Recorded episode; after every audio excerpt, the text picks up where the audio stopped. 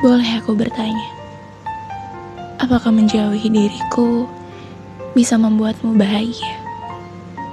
Jika iya, lakukanlah. Soal aku, tak usah kau pikirkan. Aku paham apa yang harus aku perbuat ketika kau bertindak seperti itu.